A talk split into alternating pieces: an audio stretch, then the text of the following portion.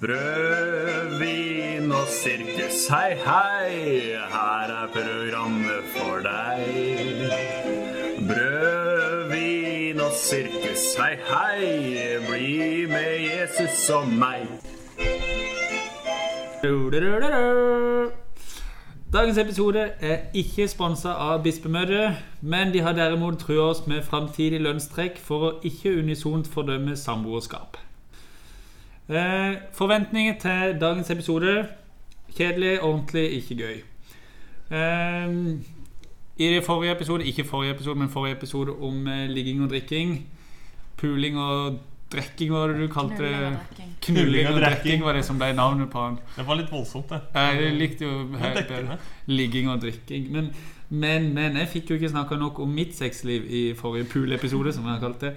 Eh, så vi må ha en til. Eh, og Ørjan med Y mente jo at sexlivet mitt virka kjedelig, så da skjønner jeg at jeg ikke har solgt sexlivet mitt godt nok. Eh, for til 16-årsdagen min så fikk jeg godteritruse. Så hvis det er kjedelig, så vet ikke jeg hva gøy sexliv er. Beklager. Jeg skulle bare hente noe greier her. Ja. Vi gidder ikke klippe det ut, da. Det gjør vi ikke. God sommer. Liten avbrytelse der. Vi gidder ikke klippe det ut. Eller, Nei, vi gjør ikke det. Nei. Jeg gidder ikke. Ja. Um, der kommer vi på med hva har skjedd i Kirke-Norge siden sist. Uh, jeg har eh, anbefaling, Uh, veldig seriøst igjen. Uh, støtt samtaletilbudet Ventil, eh, som er sjelesorgtilbud for unge voksne i eh, Oslo. Som eh, Den norske kirke ikke veit helt om de vil satse på. Prestene stiller opp frivillig, men, eh, og de er fullbooka, men de har ikke nok driftsstøtte likevel. Eh, så har man mulighet til å i hvert fall vite om tilbudet og støtte dem med litt kronasjer, hvis noen har sånne til overs. Eh, det vil jeg si. Og så har vi fått ny biskop. Eh, jeg kjenner at jeg vet ikke så mye om han, bryr meg ikke så mye. Han har litt mellomrom mellom fortenna. Mm. Det er Ja. det eneste jeg har lagt merke til. Så har han samme hårfrisyre som uh, enkelte andre I, i i dette rommet. To Ja. tredjedeler. To ja. Og så har han vært domprost i Bergen, så det må jo være et eh, godt utgangspunkt. Ja, Fordi man blir automatisk bra av å være domprost der. Ja, av å oppholde seg i den byen. Eller. Kanskje? Vi får se. Så du syns alle fra Bergen er bra? F.eks. en skole som heter Danielsen? Ja, ja, helt topp. Ja, ok. okay. Eh, eh, Human-Etisk Forbund de fikk eh, juling i eh, 17. mai-tog i uh, Kristiansand. Mm. Uh, det var, De elleve som gikk under fana til Human-Etisk Forbund. ja, og det er liksom Gjennom hele borgertoget så driver folk og, og kaster vann på dem og slenger drit og Ja. Og så var det ei som gikk ut og bare Jeg syns egentlig det er litt kjipt at eh, alle driver og hater på oss. Ja. Det forstår jeg jo godt. Men hvem er det som har liksom ordet da i 17. mai-toget i 17. mai Hæ? i Kristiansand? Det er jo eh, de kristne, er ikke det? Hva Det vil, hører hva vil det si å ha ordet? Ja, at de liksom eh, har eh, De er flest, da. Og markerer seg sterkest. Det er ganske mange da som går og liksom, hører på lovsang på en bumblest. For de har en egen kristen eh, fane i borgertoget. tror jeg. Ja, jeg har gått under den en gang, Ja. faktisk. Jeg syntes det var litt eh, flaut. Ja. Men jeg fikk ikke med meg så mye annet av toget, da. Nei. Ja. Men, eh, men det er jo det at på i Kristiansand så er det Human-Etisk Forbund som er tapere, og ikke kristne. Ja, så hvis folk har lyst til å leve i drømmelandet, så kan de gå til Kristiansand. Det er alt sånn som det burde være. Eh, og så har det vært eh, kamp mellom eh, Dagen, avisen, og en trommis i Salt. Jeg har ikke hørt så mye om det, men Mor Nei, Jakob. det var ikke- Kamp på kamp. Nei, Så skal vi eh, igjen til Bergen. vi skal til Bergen. Hvor alle er flotte. Ja, det har vært Pride i Bergen. Og det skulle dagen dekke på et eh, kristenkritisk uh, vis. Og hadde da klart å grave fram at en låtsangsleder i Salt, Bergenskirken, også spilte trommer på scenen på Pride. Ja, og tok jo denne hendelsen ganske stort, da. At dette var en liberal vind som homovind inn i pinsebevegelsen. Og Frikirke-Norge sto for eh, moralsk fall. Og det var ikke en måte på. Ja, det er jo presis analyse, tenker jeg. Det. Homovinden kommer til Homovinden frikirkeligheten. kommer. Ja. Har vi en trommis her som velter alt. Nei, så, um, så da har det vært litt sånn fram og tilbake. Ba eh, Kronikkbattle mellom Øystein Hjelme og Vebjørn Selbekk. Ja, for han har forsvart han Øystein Gjerme, altså. Ja, han, Trommisen. eh, ja, eller han gikk ut og kritiserte dagen for i det hele tatt skrive om det. Mm. Ja. Ja. ja. Det er jo ufint. Er veldig fint. Så um, les de eh, hvis dere vil ha det gøy. Ja. Eh, Antireklame for eh, dagen. Les eh, Øystein Gjerme mot Vebjørn Selbekk. Har det skjedd noe annet i Kirke-Norge siden sist? Nei. Ruller og går. Ja, ja, ja. Det går eh, framover og bakover og Vi går videre til Hva har skjedd siden sist i deres liv? Hvem først? Skal jeg begynne? Ja, jeg har, eh, jeg, som nevnt i forrige episode, har jeg jo begynt å spille fotball igjen. Uh, og hadde da eh, en kamp på Furuset eh, hvor eh, jeg hadde fått med meg publikum, blant annet Frøken Krenka. Ja da. Så det var en delegasjon. Og det, var jo, det er jo ingen andre på det laget mitt som har med folk. Det er ingen andre som ser på. Og det her var min kamp nummer tre. Da. Jeg har kjent de folka i to uker, kanskje. Bare møtt de noen ganger. Og Ja, for det er ikke et vennelag, det er et litt sånn random lag. det er et vennelag fordi Ja. jeg er ikke en del av de. Det er mange av de som er fra sånn Ulsteinvik. Ja, eh, alle er fra Ulsteinvik. Jeg er ikke fra Ulsteinvik. Nei. Så det var jo litt sånn når det plutselig var en gjeng som drev og jubla og lagde litt lyd og sånn. Så det var Ja, så det var, det Skummelt. var litt skummelt. Men jeg dekket jo dette her på, på Instastory Ja. fra Brevene sirkus. Og det var jo noe av det gøyeste som var blitt lagt ut der, vil jeg si. For det er jo skikkelig skikkelig breddekamp. Det er åttendedivisjon. Spiller på en gressbane rett ved Ikea Furuset. Hvor det er løvetann på begge sidene av banen. og litt høyt gress. Og så eh, Vi vinner 5-0. Men jeg klarer å bli utvist. Ja, hva gjør du som gjør at du blir utvist? Nei, jeg, i, I første omgang, jeg tror jeg er 37. minutt, så stemp, jeg kommer litt sent inn, så jeg stempler en fyr. Eh, herfra til Torshov. Ja. Og så Og så med Kampen er liksom helt Det er sånn gå-fotball. Det er i 87. minutt, tror jeg. Det er liksom, det er ferdig. Vi leder 5-0. Kampen er over. Folk vil bare hjem. Så er det en fyr som tar tunnel på meg. Eh, og selv med gult kort så blir jeg griseforbanna. Og han, for han begynner Han lager sånn «Woo! Woo!» lyd mens han gjør det. Og liksom alle på laget hans begynner sånn. Så da bare løper jeg liksom alt jeg kan etter den. Og så tenker jeg nå skal jeg, nå skal jeg sklitakle. Og så skjønner jeg at det her, jeg treffer ikke, så jeg bare sparker den. Så ballen er langt unna, så jeg bare kliner den, den ned sånn litt under kne. Eh, rett utafor 16. Frispark rett ut. Uh, Ble det direkte rett, eller fikk du bare ditt andre gule? Jeg fikk mitt andre gule. Ja, ok. Er det der lista ligger?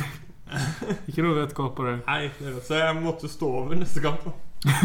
Så jeg står jo Ja, jeg sto jo med én kamp og ett gult kort. Nei, én kamp, to gule. Ja. ja, men det er bare én kamp du må stå over. Ja. Ja. Så jeg har ikke fått fem kamper. Ja, for da ble det jo filma når, når du går av banen. Og For da ser du litt sur ut først, men så liksom ser du opp, og så smiler du lurt. Ja, det er litt tøft å få rødt kort. Det var veldig gøy å være gøy. publikum. Jeg, lever, jeg leverte. Ja, Så du har spilt fotballkamp? Jeg er veldig sånn fotballmodus nå. Ja. Det er VM begynner i dag. I dag. Russland, Saudi-Arabia. Ja. Heier på Russland. Jeg hadde også en øh, Ja, ja å gjøre det. Det er rart å heie på Russland, Ja, men jeg heier på Russland. Jeg hadde en sånn åndelig opplevelse her om dagen. Eh, jeg satt NRK har gitt ut sånn kavalkader fra gamle VM. Ja. Som, så jeg så kavalkaden fra 98. ja. Eh, og der er det et intervju med Drillo rett etter Norge har slått Brasil. Mm. Og jeg begynte å grine. grine. Sånn hikstgråte for meg selv på rommet mitt. Og Hicks Ja, for jeg så her Sånn Her om dagen så, så jeg fra 2006, eh, Ja. når Zidane skal ned Materazzi. Ja. Og Zidane er min favorittfotballspiller i hele verden. Ja. Og da kjente jeg tårene eh, kom, så de trilte den sære, triste tårer på Zidane sine vegne at han ikke fikk avslutte med VM-gull, og Materazzi er en kødd som burde ligge i rennesteinen til evig tid. Det var et trist øyeblikk. Det er mitt første knallharde møte med at livet ikke er rettferdig. Mm. Det, ja. Ja. Italia er ikke i VM. Suck it. Ok, nok fotball. Um, har det skjedd noe annet med livene deres? Ja, jeg har jo en liste her, da. Eh, først og fremst så har jeg eh, fullført bachelorgraden min i å være sekretær for SR. Nå er jeg ferdig. Og det Altså 41 SR-møter ble det til slutt. Seks SR-er. Eh, og mye protokoller, mye greier. Ja. Det føles så sykt digg å være ferdig. Men jeg vil takke alle som har eh, vært med på veien. Og I går så hadde jeg en liten fest der vi markerte dette. Da fikk jeg eh, diplom. Og Vidar Leif Aanes har akkurat delt bilde av dette her på Facebook, så det er jeg utrolig fornøyd med. Ja da. Og så har jeg vært på Girls Unite volume 3. Eh, I dag så skal jeg på volume 4. Mhm. Så det er jo for oss eh, teologijenter, Det eh, samles veldig ofte. Ja. Det er noe av det skumleste jeg vet om. Det er veldig vakkert. Ja. Og det er veldig dumt for de som ikke er, definerer seg selv som kvinner, Ja. og som ikke eh, studerer noe teologisk rettete fag. Men det er jo noen som sier at uh, dere bare samles for å drikke vin og spise kjeks, for dere har ikke så mange andre anledninger til å gjøre det. Har dere, hva har dere å si til de? Det, uh, jeg snakker for meg sjøl uh, bare, og jeg sier at jeg har mange anledninger til å drikke vin og spise kjeks. Ok. Ja, så, eh, men det er i hvert fall eh, veldig hyggelig. Og så har jeg vært med å arrangere MF-relatert fest eh, på søndag. Det var veldig hyggelig. Da var vi i eh, Frognerparken og spilte ulike spill. Um, ja, det var kjekt. Havnet på Billabong. Noen badet på Sørenga. Jeg badet på På Sørenga ja. på natta. Kult. Det var da regnet kom. Vill og kul. Og så har jeg vært i eh, bryllup som lignet på en festival. Eh, KFK-KFM rettet, så det var jo bare drømmen. Eh, ja, det er vel egentlig det jeg har gjort. Det Og var- sommerferie. Ja, for nå er alle ferdige med alle eksamene Mm. Og det er dritdigg, faktisk. Mm. Eh, men jeg tror i hvert fall nå er vel eksamensperioden på MF avslutta òg. Ja. Men jeg har eh, Eller etter det Holmenkollstafetten med, med MF, eh, så løp ikke jeg så bra. Knut, som er slem, han løp eh, bedre. Eh, så jeg tenkte nå må jeg bli litt bedre til å løpe igjen. Mm. Så jeg begynte å løpe ned på tredemølla på treningsrommet. Eh, garderoben har jo vært åpen nå, men gymsalen er stengt, for der har folk eksamen. Du har fått dører i garderoben. Ja, og det var det ikke før. Men jeg vil si at du kan ikke gå på do i, eh, i garderoben. Eh, men så er det låst inn der på den ene sida. Hvis du er i garderoben, kan du låse deg inn på doen. Så når jeg skulle gå og trene, så tenkte jeg ok, klokka er kvart på fire, nå er eksamen slutt. Jeg går på do her istedenfor å gå ekstra langt. Eh, låse opp, gå inn på do, sette meg ned, høre noen banke på døra, og bare Er det noen her? Og På dansk. Eh, ja, på dansk. Å nei. Er det noen her? Og jeg bare spretter opp og bare ja, ja, ja, Jeg skjønner jo liksom Ok, det er noen som fortsatt har eksamen her. Dette er ikke kult, liksom. Og hva er det du holder på med? Kan du ikke lese? Og det er jo da Erna som eh, er verdens skjønneste dame, eh, som snart er ferdig på MF. Og jeg følte jo at jeg skuffa henne personlig. Jeg bare, nei, sorry, sorry Og så bare, kan du ikke lese, for det står lapper på alle dørene om at du skal ikke gå på do. Det stengte under eksamenstida, men jeg tenkte jo bare Ja, men det er jo bare det er jo, Eksamen er slutt nå. Jeg går bare inn, låser igjen etterpå. Og da bare, Jeg hadde ingen unnskyldning. Så, men dagen etterpå så så jeg henne igjen og så bare du, Unnskyld. Du, beklager, jeg har ingenting å si, men bare unnskyld. Hun hadde glemt det. da, så Enten så bare husker hun meg ikke så godt som jeg husker hun eh, eller så bare tilga hun meg med en gang. Men eh, det var jo skikkelig fælt, faktisk. Kunne blitt tatt for juks. Eller alle de som hadde tatt eksamen, måtte ta den på nytt. Ja, fordi det sitter en svett fyr på tassen og driter. Det var før jeg gikk og trente. bare så det er sagt. Var ikke svett. Eller, ja, ok. Litt svett. Alltid litt svett. Og så har jeg hatt litt kontakt Jeg skal um, jobbe som prest i sommer, så jeg har jeg hatt litt kontakt med prosten eh, der oppe. Og så så mailer vi litt fram og tilbake. Så driver hun ene eh, som jeg har maila med, og hun la meg til på Facebook. Og så innser jeg at det siste bildet som jeg tagga på Facebook, det er bildet fra når vi spiller inn hjemme hos meg. Eh, og jeg holder en kjempesvær dildo, eh, sånn omtrent der tissen min er. Eh, og jeg sier det med skjørt.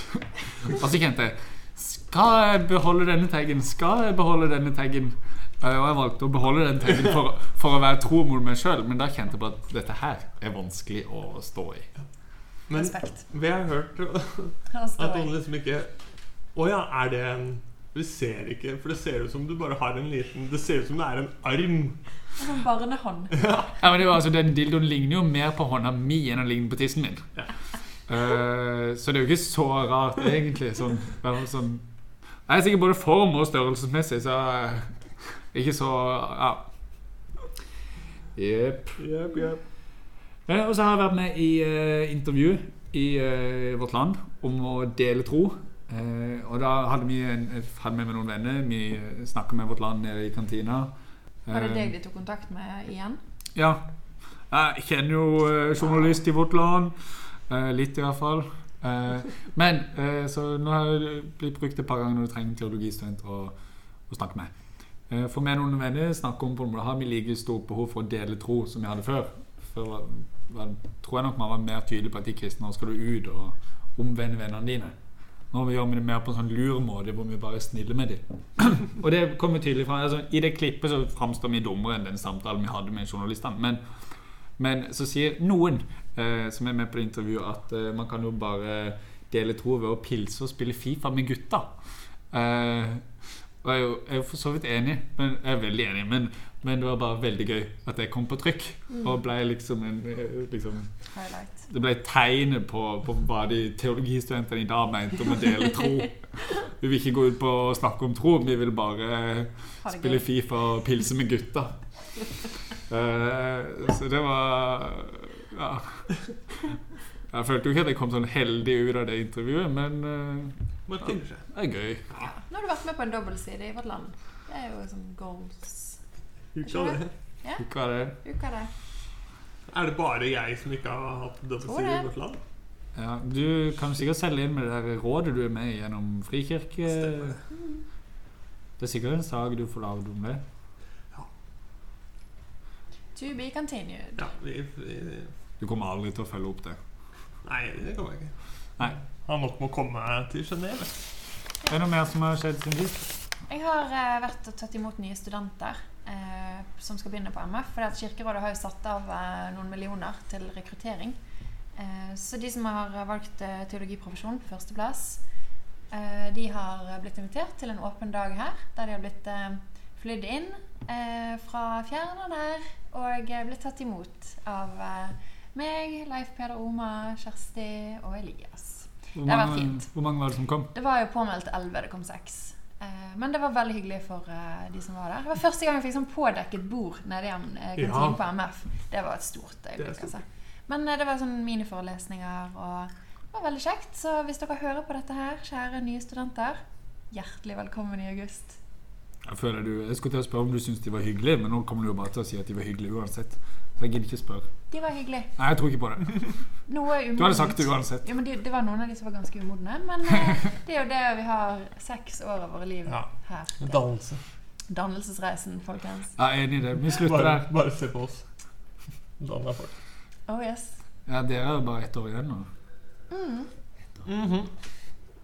Ok, vi går videre til spalte. Vi starter med Serafopost. Serafopost, Serafopost. Se- Det er i hvert fall en ny vri på den jinglen, men vi har fått eh, beskjed fra en seraf om at eh, Guds hærfører Josfa Darman Kvilstad eh, Eller det er fra Josfa Darman Kvilstad gjennom en seraf. Eh, som opplyser om at i forbindelse med trosopplæring så har Josfa da hatt et tiltak knytta til Kristi himmelfart, eh, hvor han fikk lov til å dele ut gratis hoppestokker. Eh, så han eh, anbefaler det, så har det funka bra. Eh, Men i den nåværende menigheten så hadde de ikke økonomi til å dele ut hoppestokker, så hadde de gått for et hoppekirke istedenfor, som egentlig er et hoppeslott. da.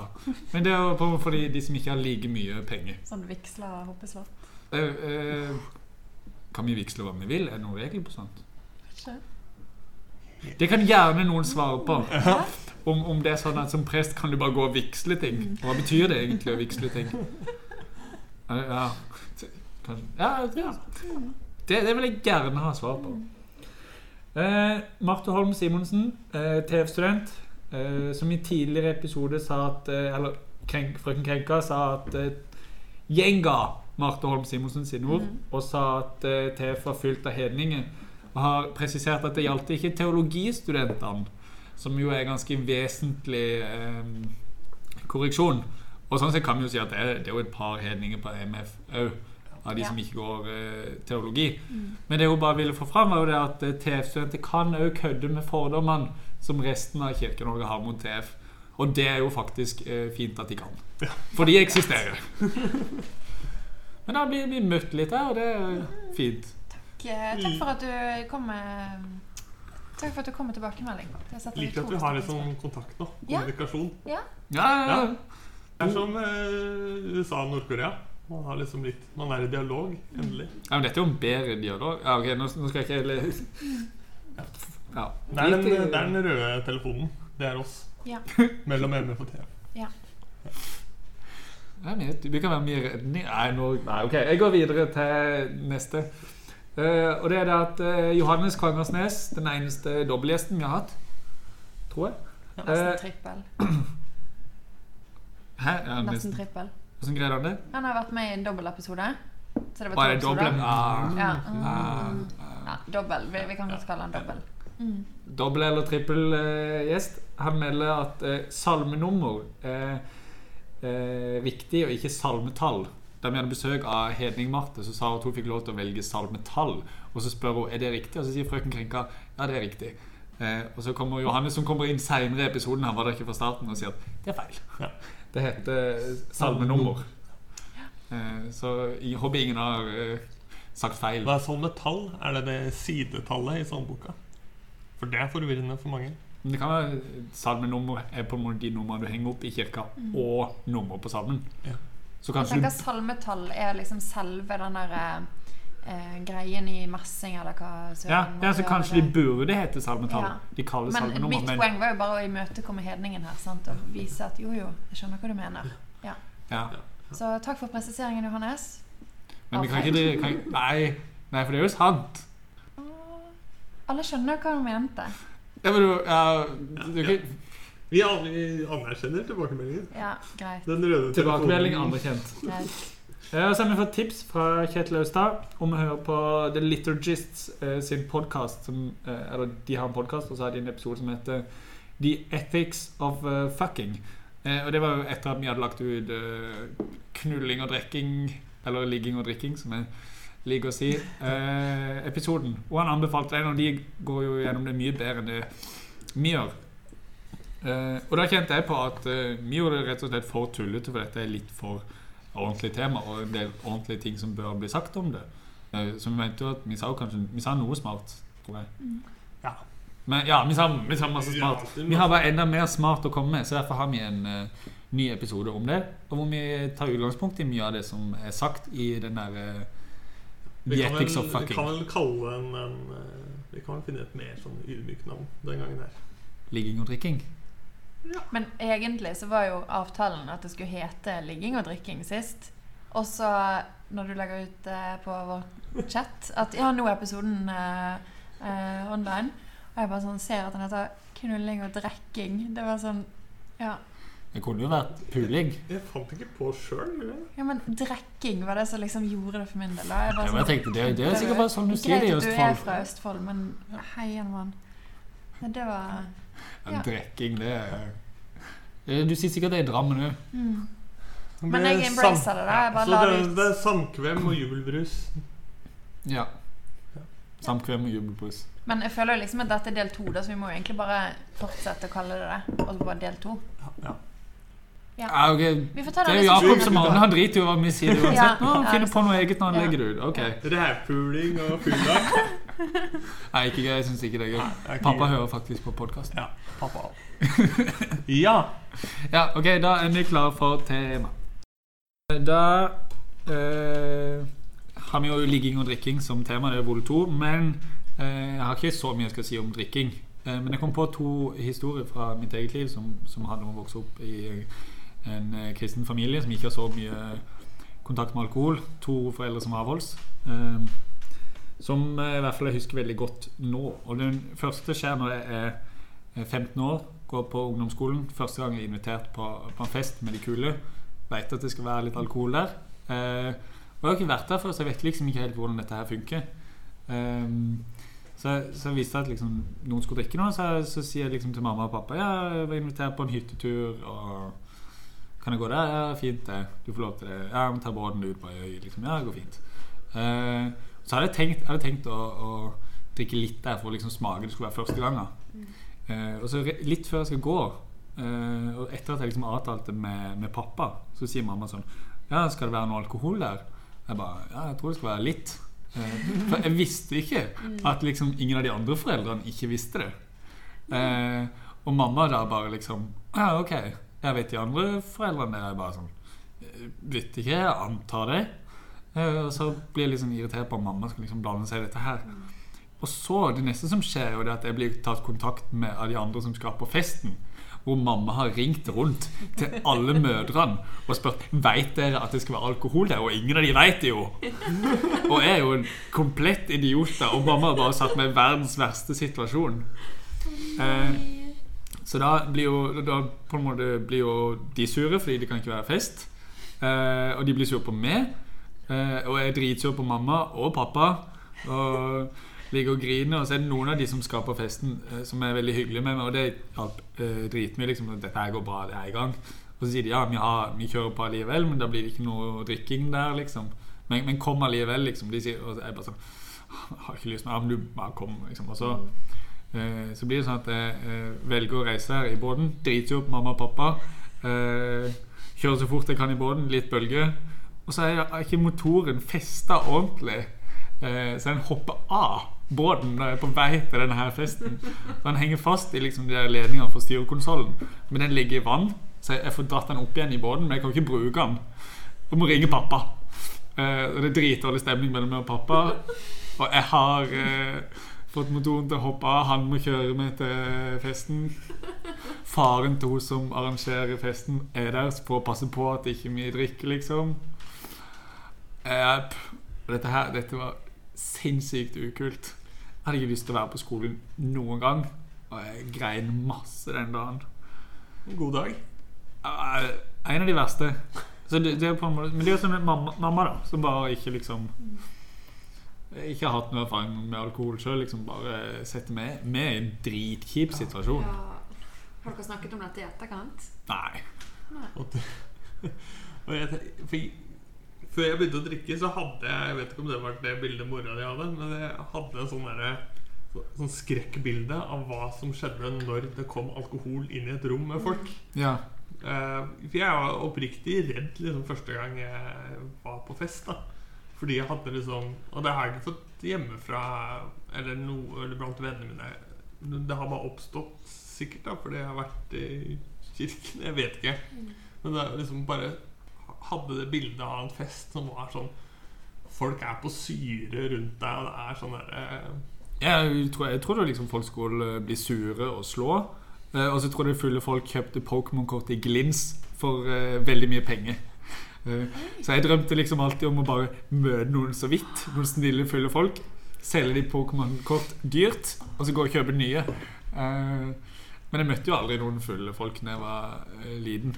Men det er jo på en måte Jeg hadde ikke noe Vi har ikke vokst opp med det i familien. Jeg har ikke hatt familievenn, liksom. Så det er masse fordommer, da. Fordi jeg ikke har vokst opp med det. Ja, jeg hadde lest mange bøker, sånn ungdomsbøker, da jeg var yngre. Eh, så jeg eh, trodde at når du kom på fest, så var det liksom idet du tar foten inn på den festen, så liksom får du tilbudt 15 ulike typer eh, ølflasker, og liksom da er liksom da er rennestein neste, da. Så jeg husker liksom vi skulle på fest, eh, noen venninner.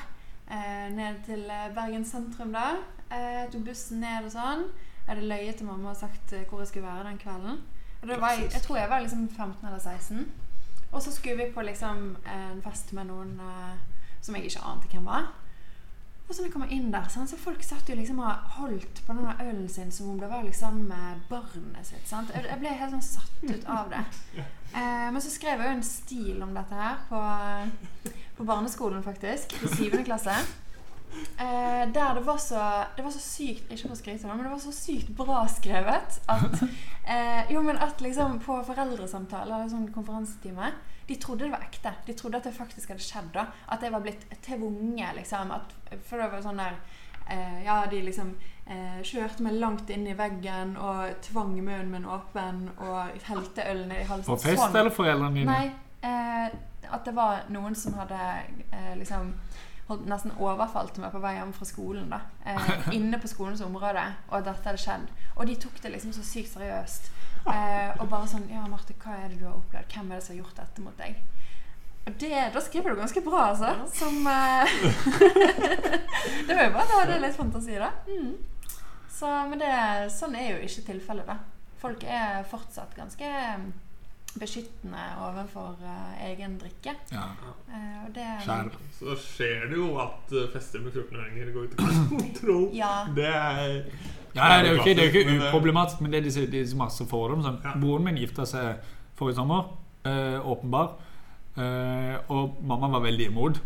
Og alle oppførte seg kjempehyggelig. Det var kjempebra bryllup. Og mamma var jo kjempeoverraska Mm. over at det kunne være alkohol, og at det var hyggelig.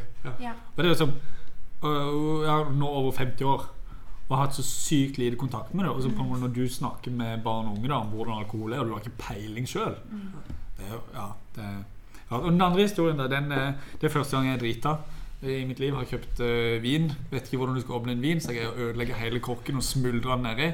Men jeg passer jo på alkoholen min, så jeg drikker opp alt sammen.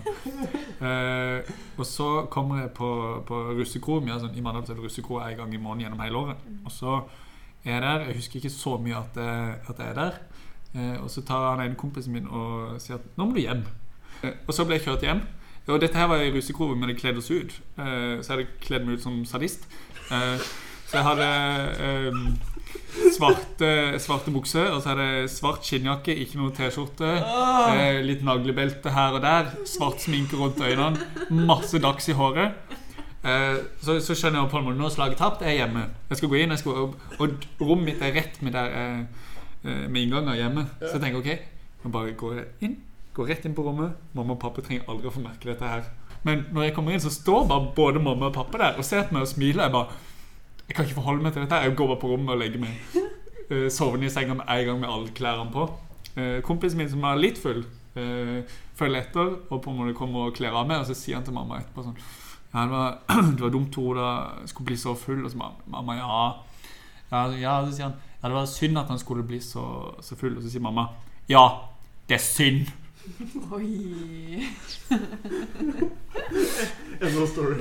Ja, det er end of story. Takk for at du delte. Det er jo for øvrig to av mine favoritthistorier. Eller i hvert fall den siste ligger bedre enn den første. For den, var- den første er bare Den fæl. er, den er fæl. Ja, det, det, jeg greier ikke så mye i forbindelse med den andre. Nei. Men, eh, men det var fint. Det var egentlig det jeg hadde tenkt å si om alkohol i uh, denne episoden. Vil dere si noe mer om drikking? Alko? Nei. Nei. Da kjørte vi på med, med ligging.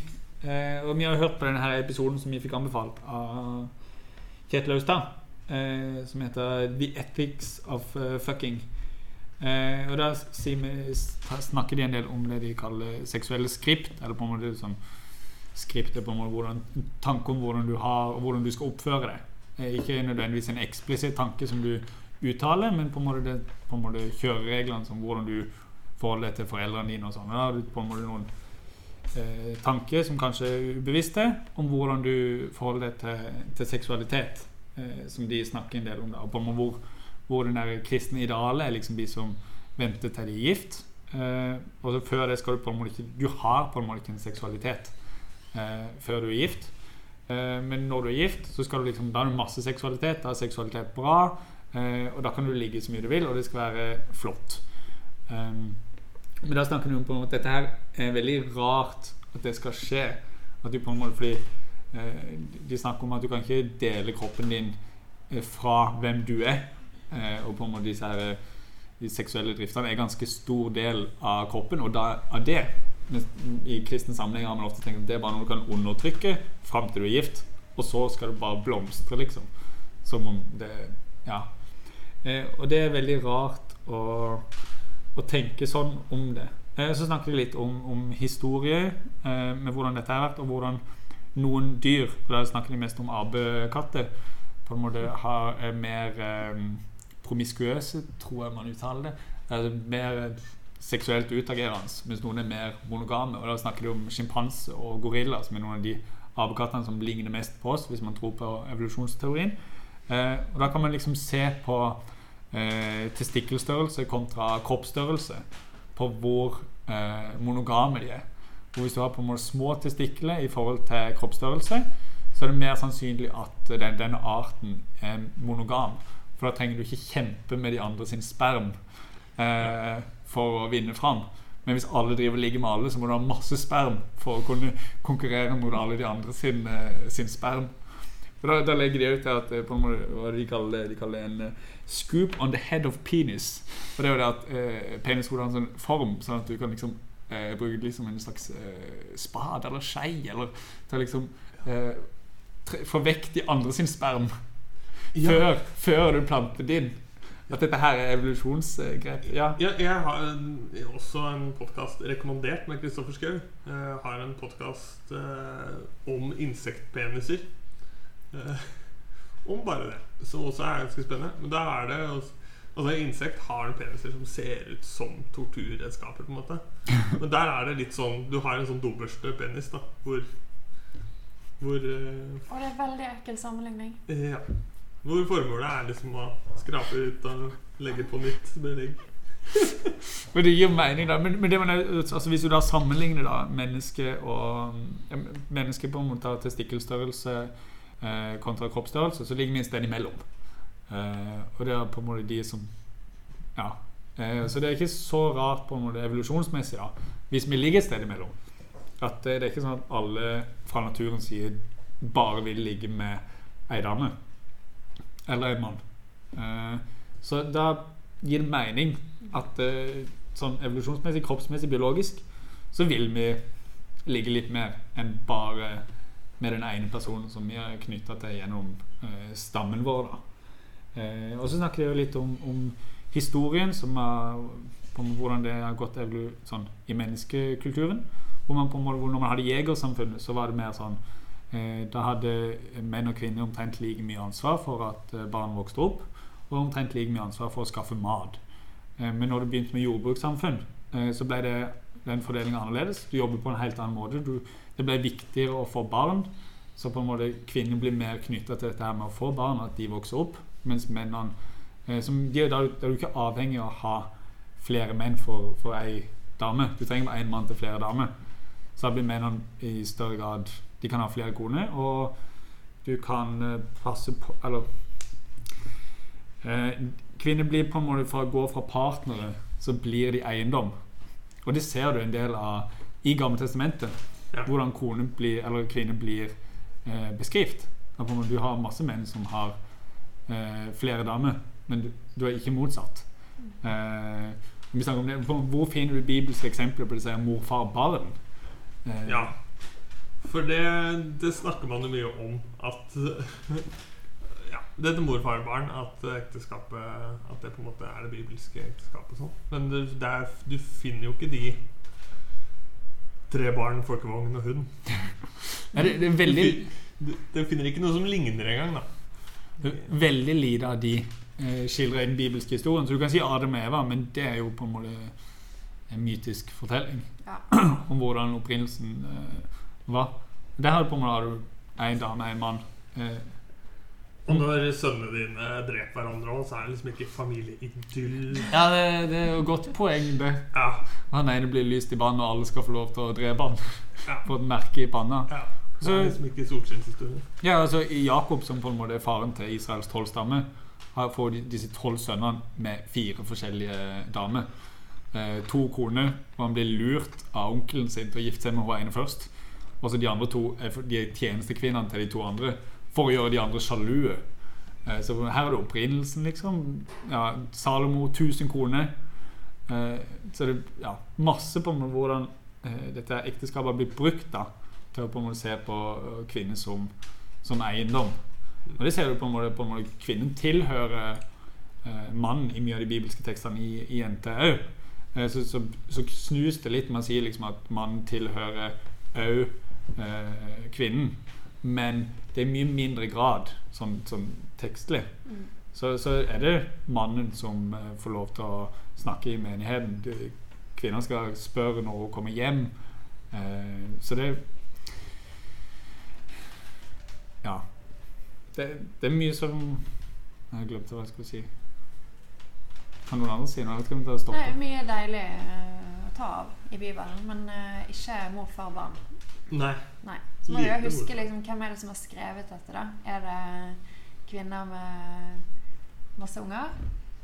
Nei. Nei. Det er ikke det. Det er menn ute på reise. Forretningsreise. Menn på tokt. De gamle menn på tokt. Det, det, det de har snakket om i podkasten, var på hvordan det gikk videre da, for disse jegersamfunnene, hvor du begynner å få mer én og én. For det er jo idealet på en måte i mye større grad i eh, NT. Så er det én til én. Men det er fortsatt at du bevarer litt den eiendomstanken. Men da sier du på en det som er vanlig i, i Romerriket, da, det er at eh, hvis du er høyere i rang, så kan du basically ligge med hvem du vil som er under deg i rang. Men du kan ikke eh, ligge med eh, ei dame som er gift med en annen mann selv om hun er under deg i rang, fordi det er en annen manns eiendom. Og veldig mye av det knyttes jo til hvem er det som bestemmer over, eh, over hvem, da.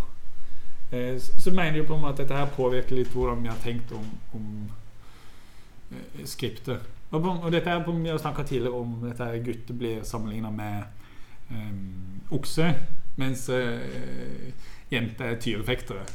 Hvor, hvor vi er liksom Vi kan ikke noe for det. Og det er liksom Det den historien jeg liksom har, har fått. At det er liksom gutter de er så sykt kåte. De vil ligge hele tida. Eh, så det er liksom Det er sånn naturen min er. Jeg må bare prøve å tøyle det. Mens jenter de er liksom eh, Det er sikkert litt derfor man på en måte liksom tenker at jenter er sluts. Hvis de ligger. Ja. For de har ikke den samme naturen som oss. Nei. Uh, Og eh, ja, jeg tenkte jo det samme i forhold til alkohol, da, hvis vi skal tilbake til det. At Ja. da på en måte Ja, da mister du helt kontrollen, da. Så jeg var jo redd for Helt uten grunn for hvilken voldsom uh, metoo-maskin jeg kom til å bli. ja, jeg kommer til å ligge med alle Ja, jeg drikker. Ja. Det var mer sånn Men det var, for meg du, Jeg tror jeg gleder meg litt til det, liksom. At da Ja, men da, da kunne jeg ikke Jeg kunne jo ikke noe for det. Jeg er jo bare et dyr, og så kommer alkoholen, og da kan jeg i hvert fall ikke tøyle meg sjøl. Umulig. Eh, Så det ja, altså, Men er disse, dette skriptet da som vi har blitt fortalt gjennom, gjennom eh, religioner, hvor du har Adam og Eva som sånn her eh, kjerneeksempel, men så ser du på en måte en historie det er på en måte ja, det er gutter eh, seksualitet som liksom har fått lov til å spille, mens eh, jenter som ikke har skrevet noe særlig av historien, de er, den, de er underspilt. De er kua gjennom historien. da. Og så mener jeg at det påvirker nok en del om hvordan vi tenker om det i dag. Og så er det jo sånn på en måte at Man hadde jo sex på et helt annet tidspunkt i livet eh, før. Vi gifter oss jo mye seinere nå. Mm. Eh, og så baserer man det i Før så baserte man jo ikke på liksom kjærlighet. Det er jo det store idealet Ja. i dag. Det er disse her, Du skal bli forelska først, og så skal du være sammen lenge. Og så skal du gifte deg, og så skal du kunne ligge sammen. Før var det jo på en måte mer arrangert. Ja. Og liksom bare sånn ah, OK, du og du. Og det er jo veldig nytt. Og veldig vestlig. Den veldig sånn følelsesstyrte valget av partner. Da. Ja, Mm. Men den har man jo benytta seg av i kristendom. Man følger opp på den.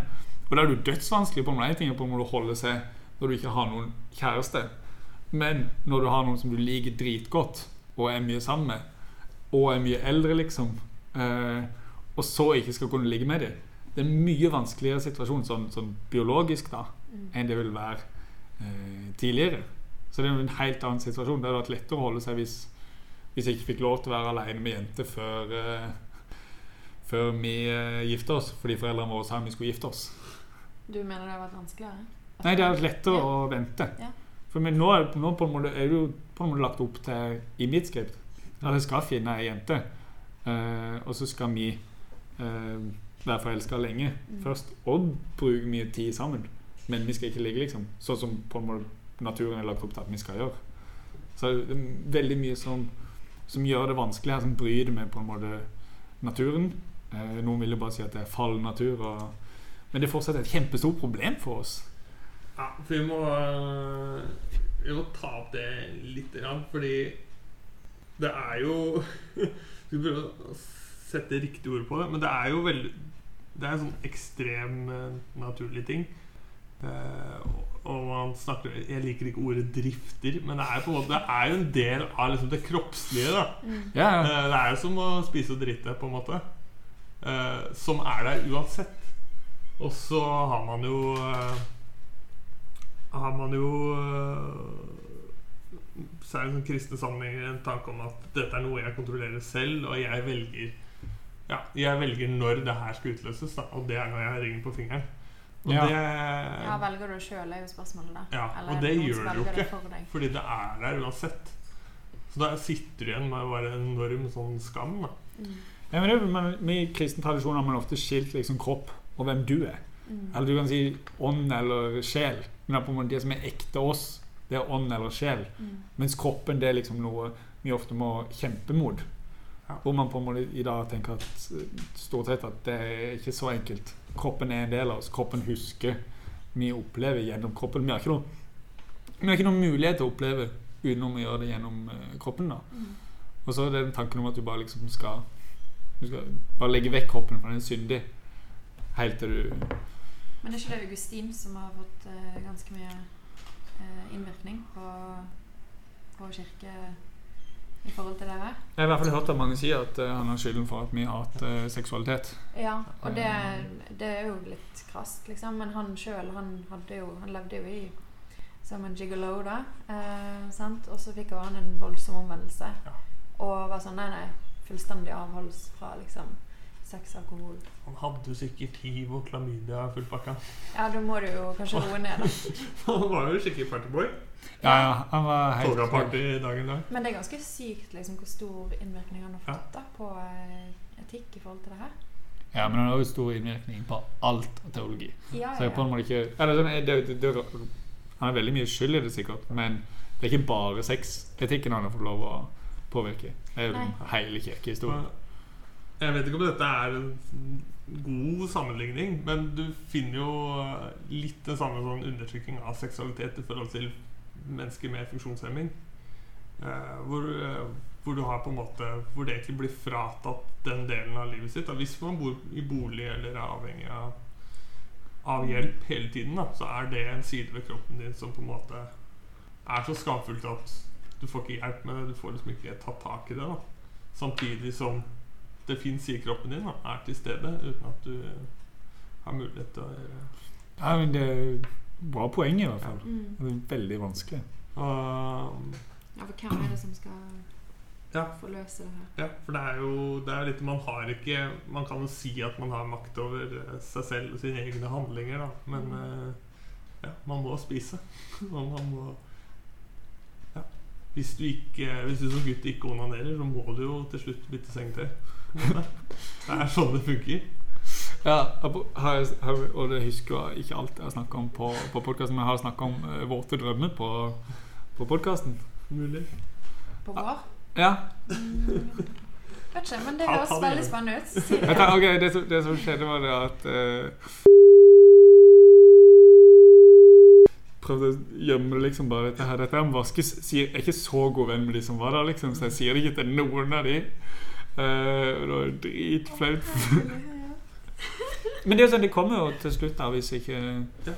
hvis ja. Og det står det også om i Bibelen. Jeg tror det er i Altså Moseloven har lover knytta til det. Hvis du kommer på natta, da, så må du, er du urein og må ut i dammen ute av landsbyen og vaske deg. Urein i fire dager. til. Fire dager. Alltid i den dammen på sida av Ja. landsbyen. Alt det. Ehm, ja, og det sa jeg på i, for, i, i forlengelse av dette med, med skript. på når Du skal du venter med seksualiteten, og så slipper du løs når du er, du er gift. Og da opplever mange på en måte at de ikke strekker til med den seksualiteten de trodde de skulle få. Uh, når de kommer der, Som ikke uh, er så rart. Men på en måte man har en tanke om at liksom, menn uh, de er kåte hele tida. Eh, og da blir jo på en måte Plutselig er ikke menn kåte nok. Eh, når du er gift, så tenker du liksom at ja, En del kvinner, da, det er ei- som driver med terapi i den podkasten, som, som snakker om dette her. At eh, damer kommer til henne og sier liksom Hvorfor vil han ikke ha meg hele tida? Jeg trodde at han ville ha sex hele tida. Eh, og sånn er det jo ikke heller for menn. Eh, så da blir det sånn, sånn kjipt, da. At du liksom har lagt det vekk, eh, og så tror du liksom at nå skal vi ha sex hele tida, og alt vil være dritbra. Og så blir det ikke det. Og så er det jo noen som føler seg skitne etterpå. Fordi dette her sex er noe du ikke skal Du skal ikke like det, det er ikke noe bra. Så liksom, det kan slå ut begge veier. Med at du på en måte ikke blir kjent med eh, først og fremst din egen seksualitet. Med hvordan den fungerer, og ikke at du vet noe om hvordan den andre seksualitet fungerer. Ikke nødvendigvis den du er sammen med, men eh, andre seksualitet i det hele tatt. da At det heller ikke er noe du Jeg lurer liksom på disse folka som, som er der, da. At hva er det de liksom føler at skjer med de når de kommer til alters og skal gifte seg, da? Eh, for det er jo på en måte det som er det, det, øyeblikket der alt blir forandret. Ifølge disse. Men hva, er, hva mener de, liksom? Jeg lurer på liksom sånn Hvordan føles det for de sånn her Å, yes, nå Klarer de å ha liksom fokus på dette denne skal være med resten av mitt liv, eller tenker man liksom bare på sex, da? Når du gifter deg. Ja. Det lurer jeg liksom oppriktig talt på. For jeg kommer jo som sagt fra en sammenheng der mange gifter seg liksom sommeren etter videregående. Eh, og de har ikke peiling på Eller de òg har vært litt sånn åpen gjennom hele videregående da om at ja, vi venter eh, til vi gifter oss. Og så hva er det som er det som bryter som slås på, liksom? Akkurat da. Det er jo det det ikke er, da. Nei. Det er jo bare grønt lys. Du står der og Og ruser motoren i årevis, og så bare bomgirer du. Men jo- for, for noen går det jo fint òg. Ja. Det må jo Ja, sies. ja, Uh, så dette her er jo på en måte Men det er bare at det, det er altfor mange unntak.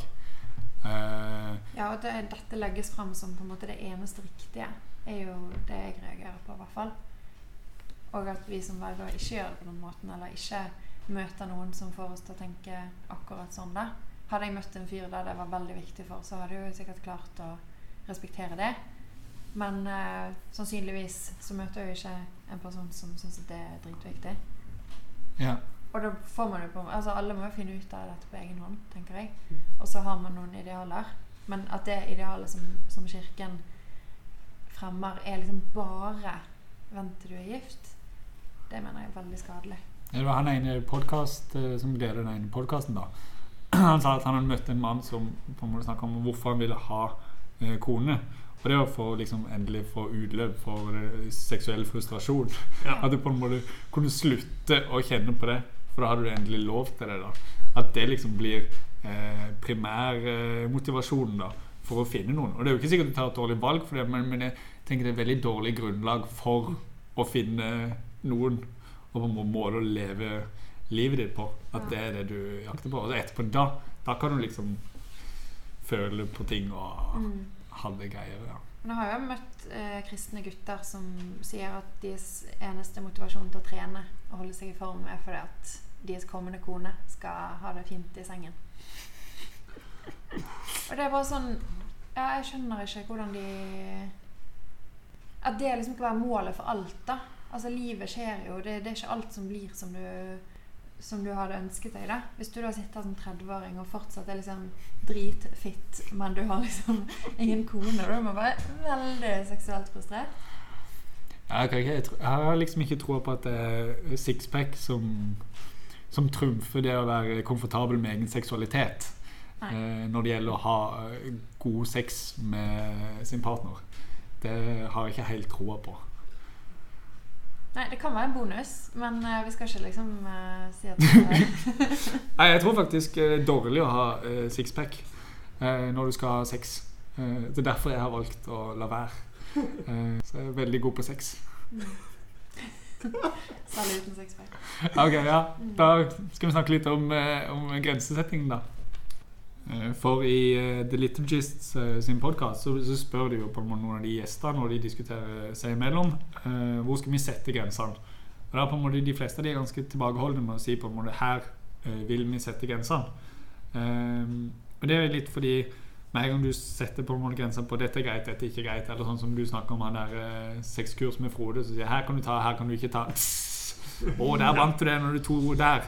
Eh, det som er problemet med det, da begynner du hele tida å lete etter eh, eh, loopholes eller smutthull. Som på en måte at du ja, du har ikke vaginalsex, du har analsex istedenfor, fordi det er vaginal penetrering som, som gjelder. Eller så snakker de om, om de tar opp et annet triks, da, hvor de snakker om at eh, det er fist Og det er ikke, det er ikke snakk om fisting, men, men det er snakk om bare holde rundt roten av, av penis da, mens du har sex. For da er du ikke helt inne. Så kan du liksom fortsatt være, være jomfru. At det, dette er en teknikk som har blitt brukt. Da. Dette er jo USA. USA er helt sinnssyke, de er gale alle sammen. Eh, men at dette er noe folk har tenkt liksom, ja, men da er det greit. Så problemet med å på en måte sette disse absolutte grensene er at absolutt alle tøyer de. Eh, og det er veldig vanskelig å forholde seg til.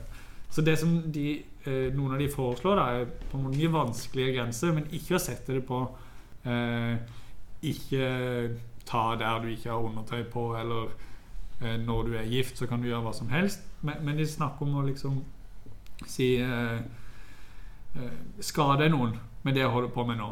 Eh, bruke noen eh, gjennom sex. Eh, sløve ned mine egne erfaringer av smerte, eller unngår jeg liksom det som er vanskelig, og skape distraksjoner for det som er vanskelig for meg sjøl, og bruke andre på den veien.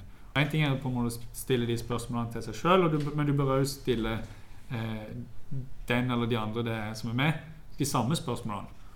Dette er, er dette bra for oss begge? Er dette bra for vår autonomi? Eh, og Der snakker de om, om samtykke. da og det er snakk om informert samtykke. og det, det handler ikke nødvendigvis om å si ordet ja, men det handler om at noen har lyst til å være med på det, det man skal gjøre. da. Eh, og Da er man nødt til å ha en del informasjon om, om det det gjelder.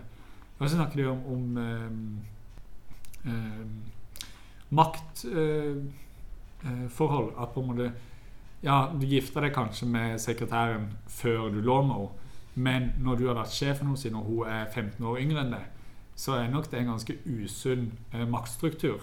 Som i hvert fall, det, altså det kan gå bra, men det er i hvert fall noe du skal være ekstremt bevisst på. Eller en pastor som blir sammen med noen i menigheten. Eller prester.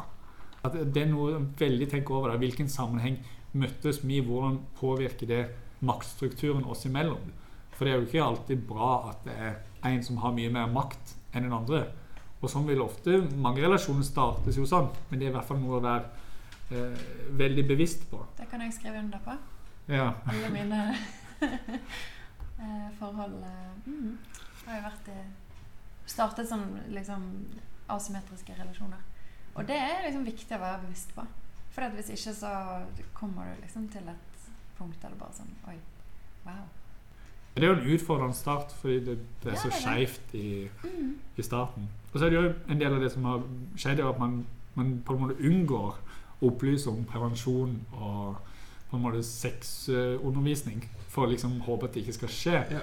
Men det som har skjedd i USA på en måte med dette her, er at eh, en del av aborttall og uønska graviditet har gått opp fordi man har ikke, man har ikke kunnskap om det.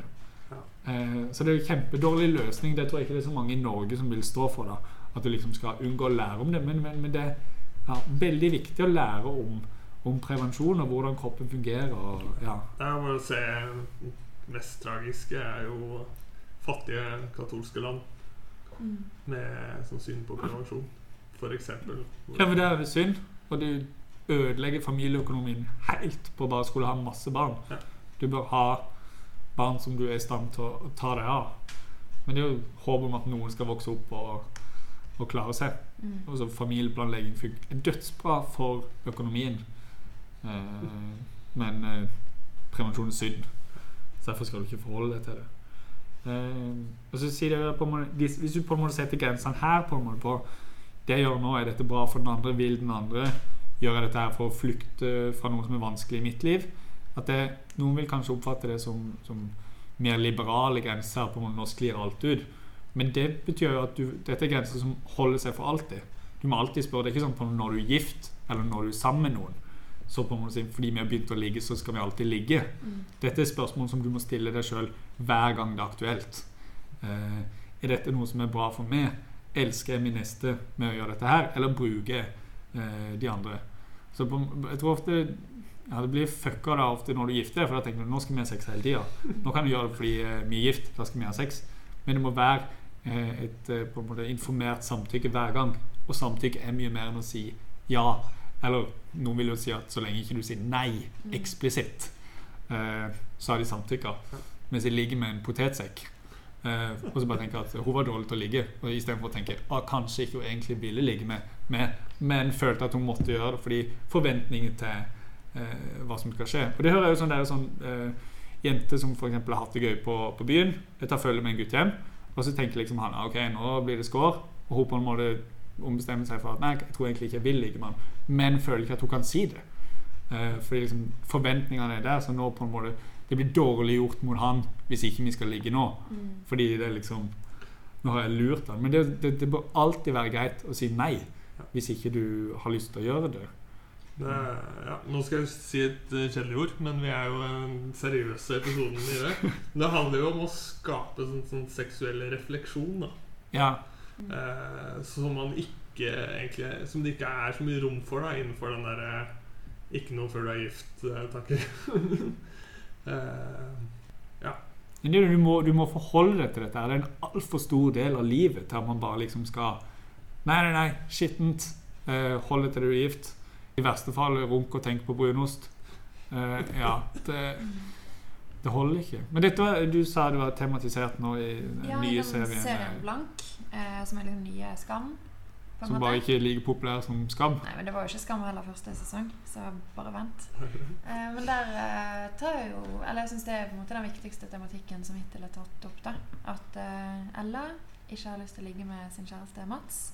Også grunnen til det er på en måte mangfoldig, men eh, det at hun ikke har lyst, da, og så sier hun nei, og så bare fortsetter han, og så ender hun med liksom å overraske alle eh, med bare sparke han vekk og si sånn Hør etter, jeg sa nei. Eh, og så snakker hun med sin venninne om dette, da. Og bare sånn Ja, men jeg må jo ligge med han fordi at vi er sammen. Eh, fordi vi har begynt med det. Eh, og så sier hun venninnen da at hallo, jeg har gjort mye rart, men jeg har aldri ligget med noen som jeg ikke har lyst til å ligge med. Eh, og du må ikke bare ligge med han fordi at dere er sammen. Eh, så det syns jeg er liksom viktig, viktig ting, da. For eh, Ja, og det har blitt en litt sånn eh, eh, Eller blitt litt skriveri om dette, da. Eh, både liksom fra hun Ella sitt perspektiv, at du må ikke alltid ligge med noen fordi at Eller ligge med en gutt, for det, nå er jo dette veldig sånn heteronormativt, da, men det får vi ta en annen gang. Eh, at du må ikke alltid ligge med han fordi at du, du må gi han det som, som han har krav på, eller sånne ting. da Men òg sånn fra Mats sitt perspektiv, da, at det er ikke sånn at du alltid må ligge. Eh, selv om dere skal sove sammen den natten, så må ikke det eh, skje. Det, ikke, altså, det burde ikke være forventet av deg, da, men så er det kanskje det fra samfunnets side. Men da hvis de hadde hatt en sunn kommunikasjon da, på det der, så kunne man jo unngått mange sånne Ja, det, situasjoner. man må jo snakke om det. Det, Ja. for det er en utrolig sårbar eh, situasjon. Hvor du Mm. føler deg veldig avvist. Han, det sugde jo sikkert for han Mats òg. Mm, For han på måte, hvorfor vil ikke hun ligge med meg? mm. Men, men det er dette på en tanke om på en måte må alltid spørre vil begge dette er dette bra for oss nå. Eh, bør i hvert fall være en tanke som ligger der eh, fra Mm. før. Man kan jo sammenligne det med litt sånn Ok, hvilke, skal vi se på film, eller skal vi gå en tur? Eh, man pleier å ha kommunikasjon om sånne ting da eh, i et forhold. Og det kan man jo kanskje ha i forhold til sex òg. Det burde jo være det, men det er jo Mm. det, det, er mer tabu, selv om det er mye mindre tabu enn det har vært. Men det er fortsatt Mm. mye ja, det er så mye sårbarhet knytta til det, så det gjør det veldig, veldig vanskelig. Um, for å ta litt tak i dette her heteronormativet, så sier man jo det de snakker om i, i denne episoden i forhold til grenser, hvordan man absolutt skal gjøre sine grenser til grenser for alle andre. Mm. Er på en måte, dette er jo skrevet av eh, hvite menn i maktposisjoner ofte. Eh, at det liksom den grensa de har satt, det skal gjelde for alle andre. Som er litt rart hvordan du på en måte, din seksualitet skal være normgivende for alle andre sin seksualitet. At man kanskje i større grad burde tenke at ja, ja, de gjør kanskje noe annet enn jeg gjør. De tvinger ikke meg til å gjøre noe annet. Og hvis de tvinger deg til å gjøre noe annet, så gjør de noe feil. Da bør du si ifra til politiet. Ja. Eh, men, men på en måte en større åpenhet for at andre har andre seksuelle preferanser enn det eh, du har. Det bør være mulig å på en måte kombinere Mm. med at man, ja, Det er ikke rart om vi har ulike tanker om seksualitet, fordi det blir så forma av ulike erfaringer som vi har. da. Også den på en måte litt reaksjonen på det veldig sånn strikte kristne er jo også å si alt er normalt. Alt er greit. Eh, som også blir en sånn overordna ramme du tol Ja, for tolker forventninger inn i. da Hvor du kan si bare Jo, men dette er normalt. Dette er greit. Eh, ja, hvor du kan tvinge dine grenser over på andre. da Ved å si at jo, men dette gjør alle. Ja, ja for det, det er jo på en måte, de, de kritiserer på en måte samfunnet sin seksualmoral. For det er jo liksom alt er greit, alt er normalt eh, i større grad. Måte, det har blitt sånn to sånn motsetninger som, hvor det nesten ikke fins en mellomting. da Men at dette måte man, ja, Det funker sjukt dårlig å bare si dette er normalt hvis ikke den andre vil. Og det er ikke sikkert det er bra for, eh, for dere. Men det som er vanskelig med sånne grenser, er at dette er komplekse grenser som kan flytte seg. De er aldri satt. Eh, så selv om noen vil den ene dagen, så er det ikke sikkert de vil fem minutter etterpå. Kanskje du vil når du begynner, men du vil ikke fem minutter når dere er i gang. Eh, og det gjør det mye vanskeligere å forholde seg til. Og det, eh, det virker som mennesker er ganske glad i klare svar. For dette her er jo ikke et klart svar. Eh, så det er mye vanskeligere å forholde seg til. Og så tenker jo folk at dette er et stort tema med, med synd. At på du, du må bare blande det, fordi nå står alt og faller på på om du sier ifra at det de driver med, er synd. Eh, og det er jo her mye jeg, jeg syns det er vanskelig. For jeg greier liksom det, det, virker som at mennesket har så behov for sex. Jeg syns det er rart at Gud skulle skapt oss sånn. Eh, hvis det er på en måte noe vi bare skal ligge under, så skal alt ordne seg eh, når vi gifter oss. Og så har du på en måte masse empiri på at det funker ikke sånn. Eh, og da syns jeg det er rart at det liksom det er det Gud står og faller på. Eller på en måte sånn Det er det som er galt i, i samfunnet i dag, der folk ligger før de er gift. Det er ikke det at eh, vi bruker alle pengene på oss sjøl, eller eh, at vi er egoistiske og ikke bryr oss om de fattige, men, men det er sex. Men det, det er et klart svar. Eh, så det er mye lettere å forholde seg til som de, for, for oss kristne da, å si vi er innafor, de er utafor.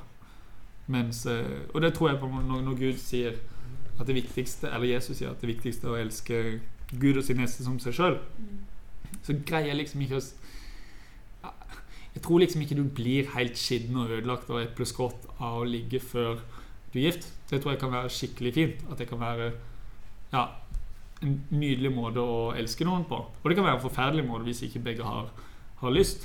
Uh, men men ja, at det skal ha blitt ei så stor greie som det har blitt, det, Hvis, man, hvis vi skal begynne å snakke om synd, da, som er et sånt begrep som, eh, som blir veldig konkret, da. Som har blitt gjort veldig konkret, men som egentlig er veldig sånn Ikke det. Det er jo ikke det i det hele tatt. Mm. Eh, så jeg pleier å definere synd som noe som binder, da.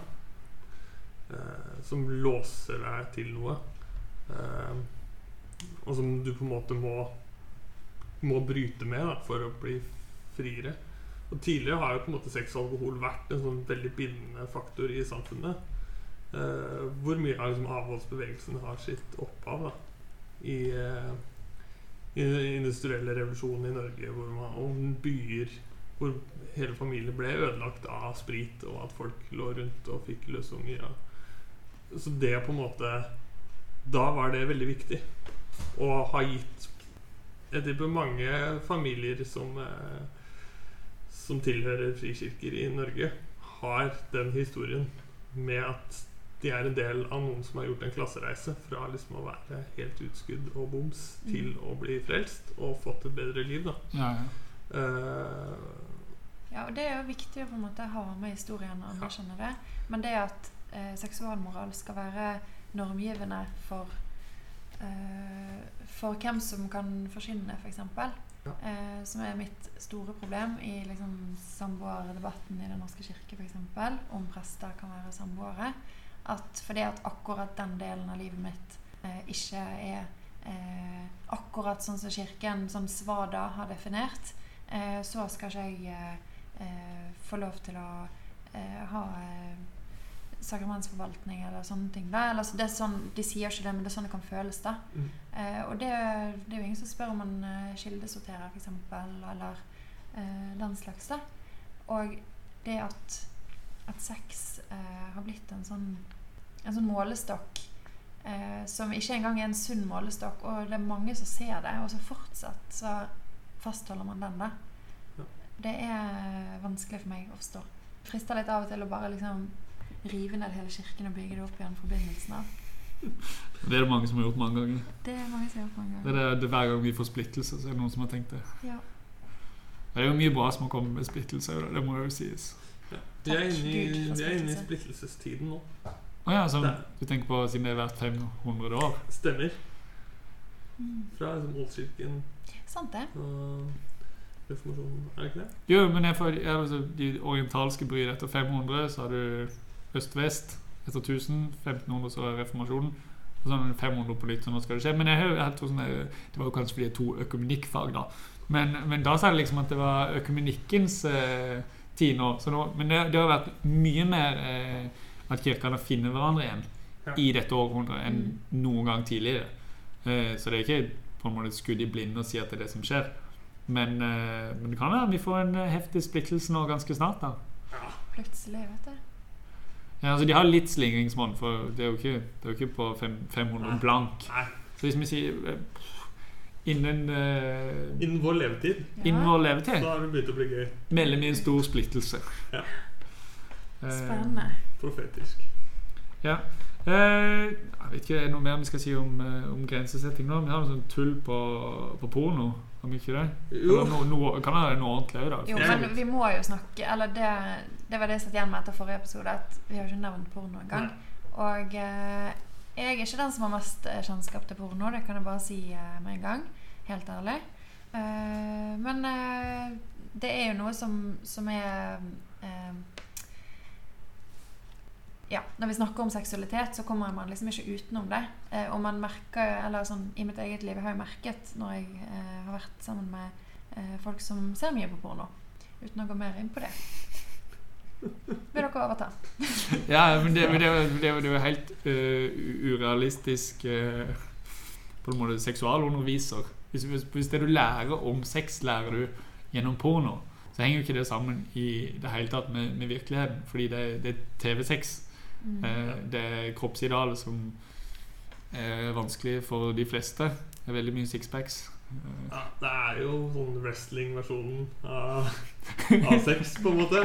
Det er like bra skuespill og Stemmer det, det har jeg aldri tenkt på. Ja, det er litt det. Men uh, Ja, for det er mye i forhold til uh, Det er sånn ulike ting man trekker fram da når man si, snakker om at porno er fælt. Kan jeg bare skyte inn én ting? Uh, det er ikke meningen å lage noen sånne stereotypier av at jeg er jente og sitter her og sier at jeg ikke ser på porno, og at dere skal ta over ballen. Uh, men det tror jeg liksom er et tilfelle akkurat her. Men det er mange jenter som ser på porno. Ja. Men jeg er ikke en av de.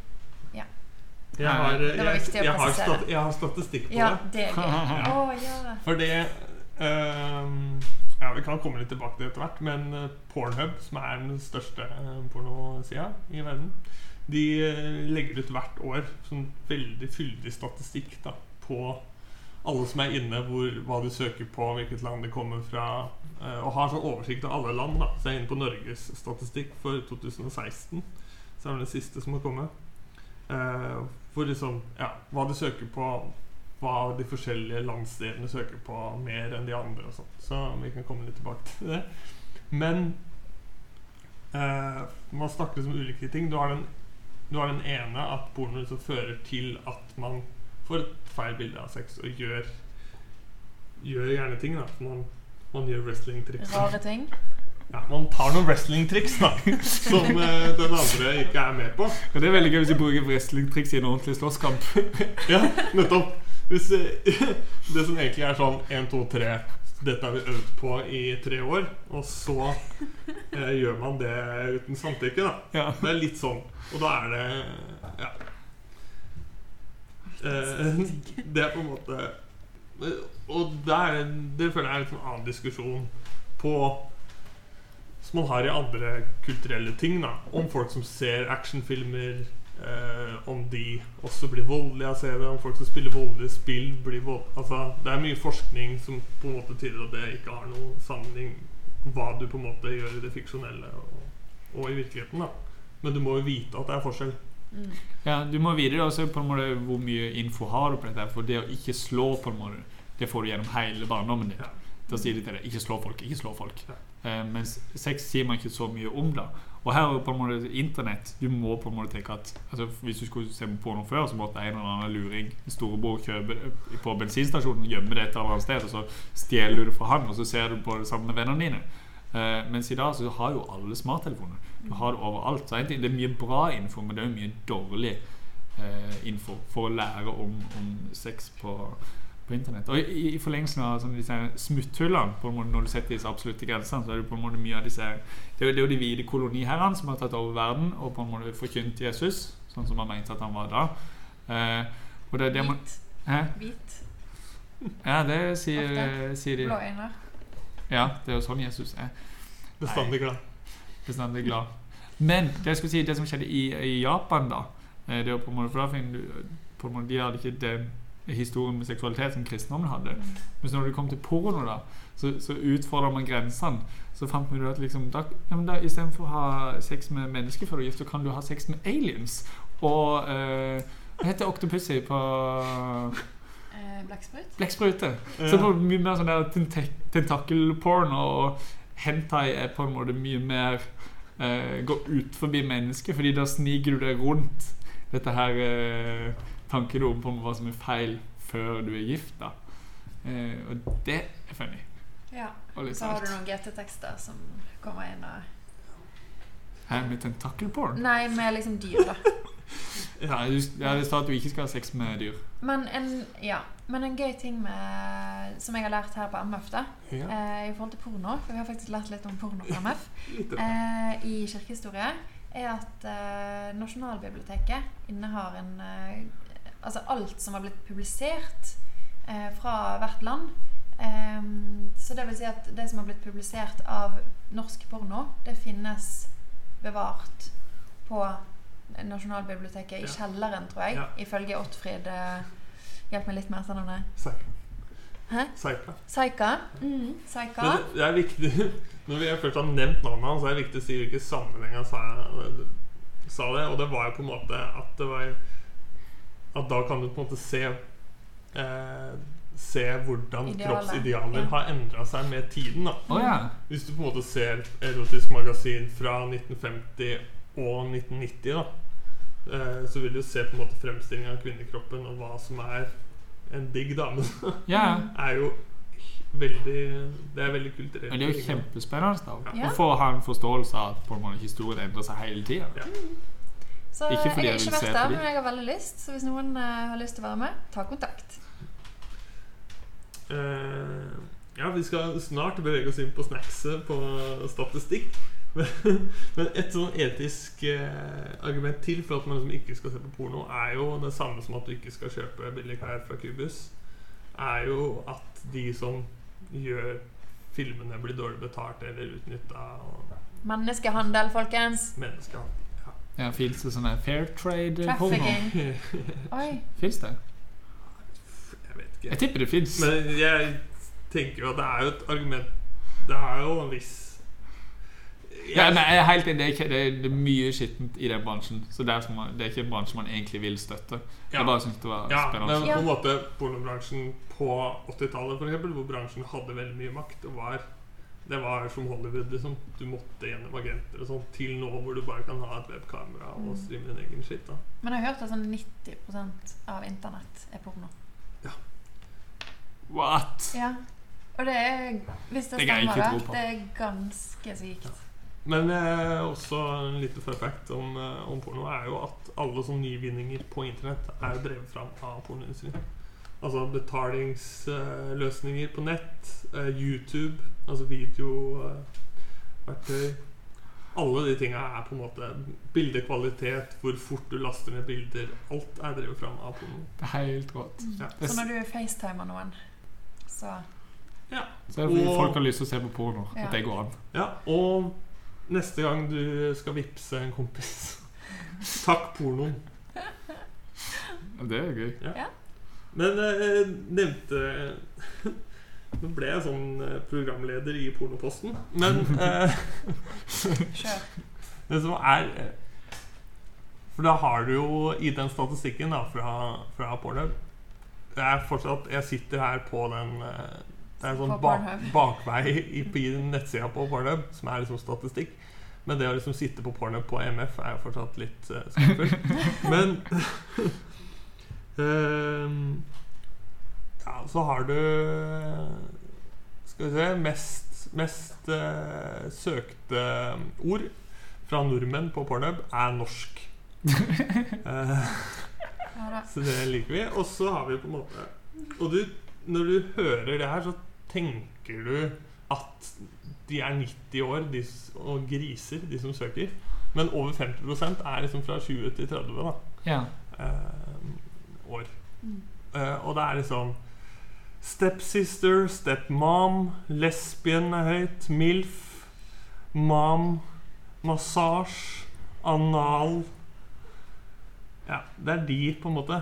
Og jeg, det er jo På den måten er det jo interessant at du kan møte en seksuell partner, en seksualpartner, som du tenker at han er bare en snill gutt, og så det han egentlig innerst inne ønsker, er at du er stesøstera hans. på en måte. Det er jo veldig Det er mye ekkelt her, da. Men det var jo bare sånn kvinnegreier. eh.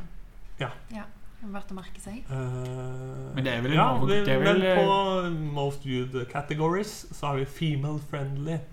Det ligger jo uh, okay. Ja. Vi er alle sammen er en kategori, kanskje. ja. Og det er uh, 72% er menn, 28% er kvinner. Mm. Og kun 7% er 65 pluss. Selv om eh, Man tenker at det er noen som er 65 pluss. Ja, som har oppdaget internett. Ja. Så har man også man har, eh, De har satt opp De er veldig gode på statistikk, men de har satt opp liksom forskjell på, på søk i forhold til menn og kvinner. Eh, Og på topp hos kvinner er det da lesbien, norwegian og norsk. Massasje, gangbang, threesome, pussylicking, hard rough sex. Ja. Stepsister der òg. Stepdad og squirting. Uh. Men jeg syns det er noe utrolig, utrolig ærlig med pornosøk. Jeg tror ikke det blir noe særlig ærligere enn det du finner i folks Nei, pornosøk. Ja. altså null filter. Og så liksom Det som er mer søkt på enn eh, Altså kvinner søker mer på enn menn, er 1904% mer søking på pussy-licking orgasm hos kvinner enn det er hos menn. Det skjønner jeg jo. Og også eh, kvinner søker mer på lesbian seduces straight girl. Det er gøy. Eh, så er det også oversikt eh, for fylker. Nå blir det mye, men det, det er ganske gøy. For det, det, Hordaland søker eh, veldig mye på eh, danish, Som i dansk. som i på- i forhold til alle andre fylker. Ja, Vi har jo nasjonalsangen vår på dansk, da, så jeg skjønner Ja. det. I Oslo er eskorte og pakistani. Der oppe. Eh, Rogaland er smoking. og pirat. Eh, ja, mens vi i Østfold får uh, swingers, Swedish, Denmark, yoga, blindfold surprise og ladyboy pussy. Så det er, uh, det er min gjeng, da. Ah. Østfold. Men, Jeg har liksom ikke tenkt på Østfold og porno uten å tenke på Ulf Leirstein. men, men det, det, det, er, det er mørkt, da. Men hvis du tenker på eh, Men sånn Finnmark Ja, jeg tror jeg har har jo det. i Finnmark. Fordi, fordi er tidligere har Finnmark hatt liksom huge cock på topp. Ok, ikke sånn eh, samisk Det er fett. Nei. Nei, ok. Så jeg tror det er huge dick som er um, Ja, men det kan vi leve med. Og de som bruker minst tid inne per, eh, per besøk, er Sør-Trøndelag. De som bruker lengst tid, er Hedmark. Og gjennomsnittet er da 9 minutter og 30 sekunder. 9 minutter 30 sekunder. Ja. ja, Hvis vi skal oppsummere den pornodelen, da, så sier vi tommel ned til porno. Ja, I så fall finn etisk porno. Fair trade-porno. Lag den sjøl. Det er mitt beste tips. Og så se Men- på. Generelt tips Ja. ikke, ikke lev livet ditt som om wrestling er ekte. Ja, ja, ja det. Og vær forsiktig med dickpics. Ja, skal vi flette inn det med dickpics? Ja. ja. Hvem var det som skulle si noe om uh, dickpics? Det, Ja, si. Jeg så De hadde Metoo spesial siste sesong av Trygdekontoret. Ja. eh, Hvor de hadde en som snakka litt om det perspektivet jeg snakka om nå, om liksom aper og tidlige mennesker og jegersamfunn og sånn. Og da handla det om, om at At vi liksom Ja, evolusjonsmessig har kvinner arva et sånt instinkt om at det å bli gravid er livsfarlig, da. For det var det på en måte for de første menneskene. Ved at du at barnet kunne dø, er at du selv kunne dø hvis du valgte å bli gravid med feil mann. da Ja, altså, ja, det er jo mye mindre farlig i dag. Ja. Altså, Går 100 år tilbake i tid, så er det jo en helt annen situasjon. Mm. Uh, ja. Eh, og når det da kommer en klubbegutt uh, i, i fjeset ditt, da Når du får en pikk på mobilen, så vekkes de instinktene. Eh, det, er, det oppleves truende, da. ja, At dette er ikke en god mann å bli gravid med. Ja. At det, det er ikke Men det er jo sikkert litt sånn porno på en måte. At uh, i porno så, så er det jo mer sånn der Å, jeg har en stor kuk, se på den! Ja. Å, nå vil du ha meg! Wow. Så det er jo sikkert Men jeg, jeg, jeg, mitt inntrykk er at jenter liksom ikke digger dickpics sånn generelt. Mens det virker som at gutter liksom tror OK. Jeg har funnet min egen metode på alltid kommer til å funke. Så det det er noe rart der. Det er noe rart. Men det er jo det, det er jo også på en måte ja, Jeg tenker De gutta er jo slaver av kulturen, de òg, da. Det er jo, for det er jo gjerne de som på en måte ikke De som ikke får De tror at det er måten å gjøre det på. Og jeg, jeg, jeg har fått inntrykk av at alle gjør det, liksom. Mm. Sånn over hele spekteret. Det vet jeg ikke. Jeg får veldig få dickpics, så det er lite erfaring. Og, og, og jeg baserer det på det er bare mitt inntrykk.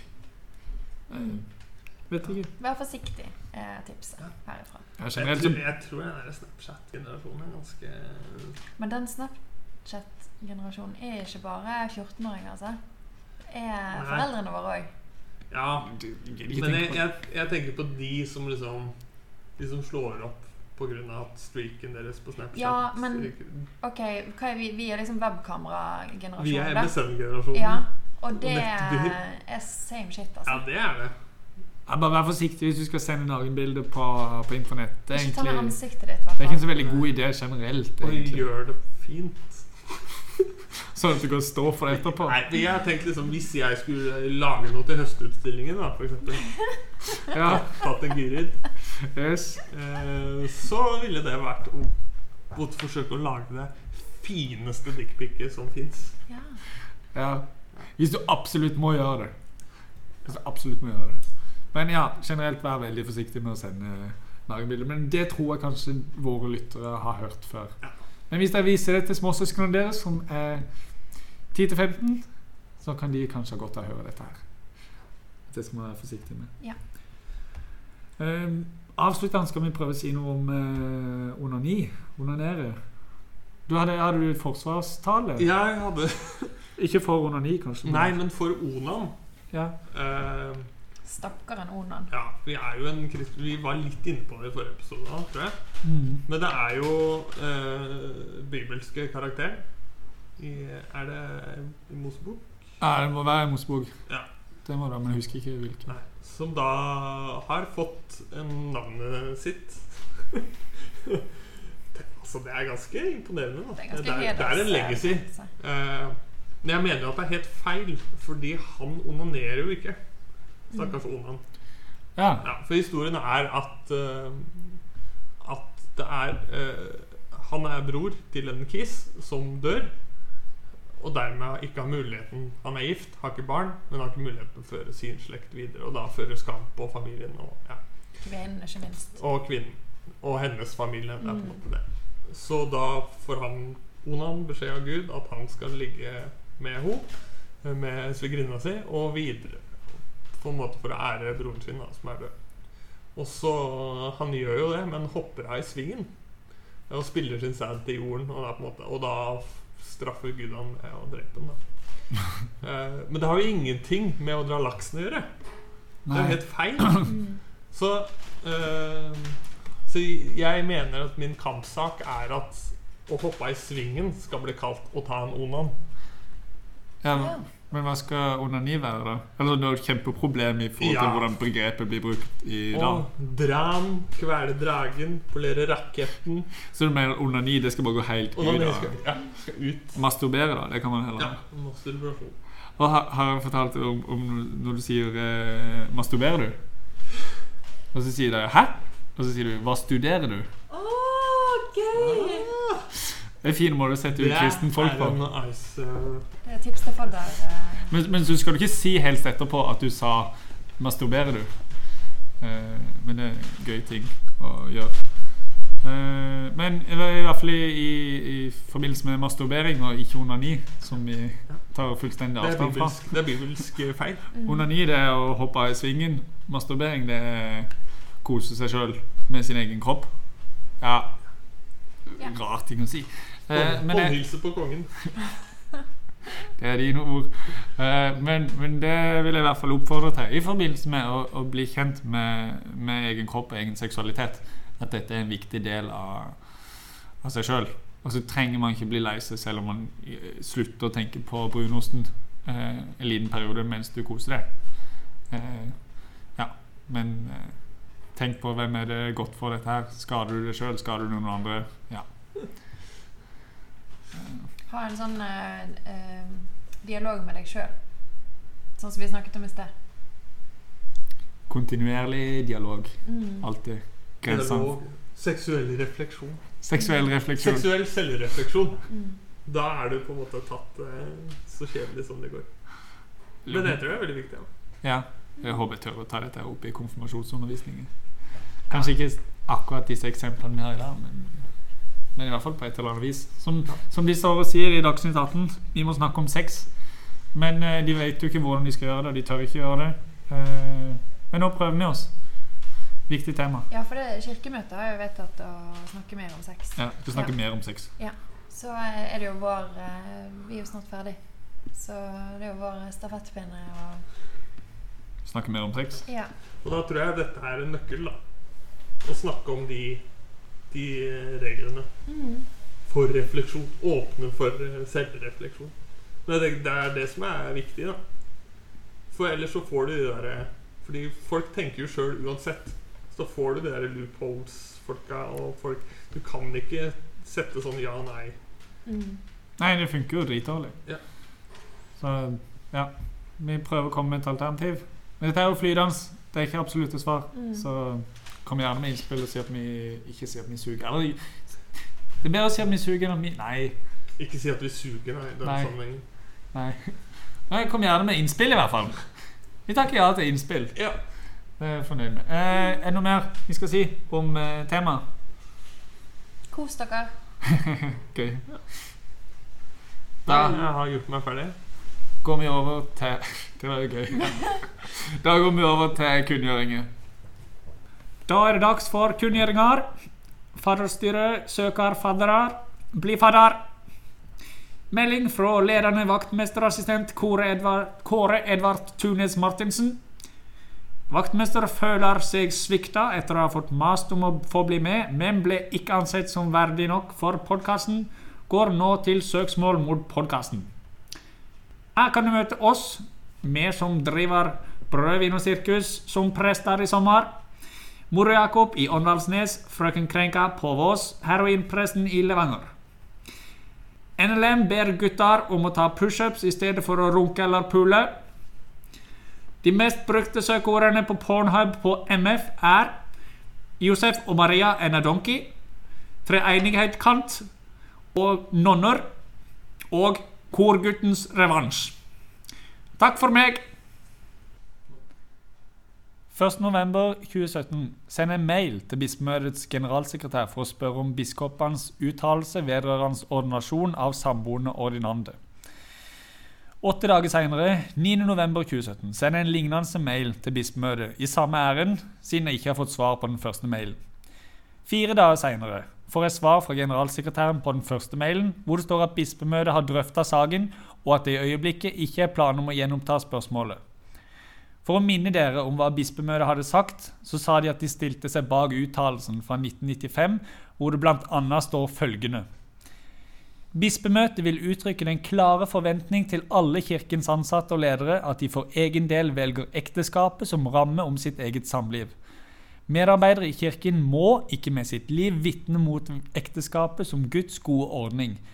Det er ikke forenlig med de krav Kirken stiller til sine ansatte å etablere seg i samlivsforhold utenom et ordnet ekteskap. For å kunne si at biskopene står samla bak en slik uttalelse, må man ha en løshet angående definisjoner som overgår president Trumps løshet angående ekteskap. Det er rett og slett bullshit. For å ordinere samboere er stikk i strid med en sånn uttalelse. Og det gjør meg sint og det gjør meg lei å skulle tjene i kirke hvis øverste ledere er så opptatt av politisk rådgiveri i første klasse. Så jeg skriver sikkert tre utkast med passiv-aggressive svar til den mailen jeg har fått, for å påpeke dette hykleriet, uten at jeg helt greier å nå en diplomatisk stil. Eh, det svaret jeg ender med å sende, det sender jeg samme dag som jeg fikk svaret fra generalsekretæren. Og jeg på en måte sier at hvorfor dette ikke har vært godt nok svar. 15 dager seinere så purrer jeg. 16 dager seinere så purrer jeg igjen. 19 dager seinere, etter det igjen. 2.1.2018 får jeg et 'god dag, mann økseskaft'-svar, som ikke gir meg en dritt av det jeg lurer på, i tillegg til en bemerkning om at det ikke har vært mulig å prioritere mailen min. Tolv dager seinere er jeg vært på ferie, så kommer jeg hjem, leser mailen og kommer med oppfølgingsmail samme dag.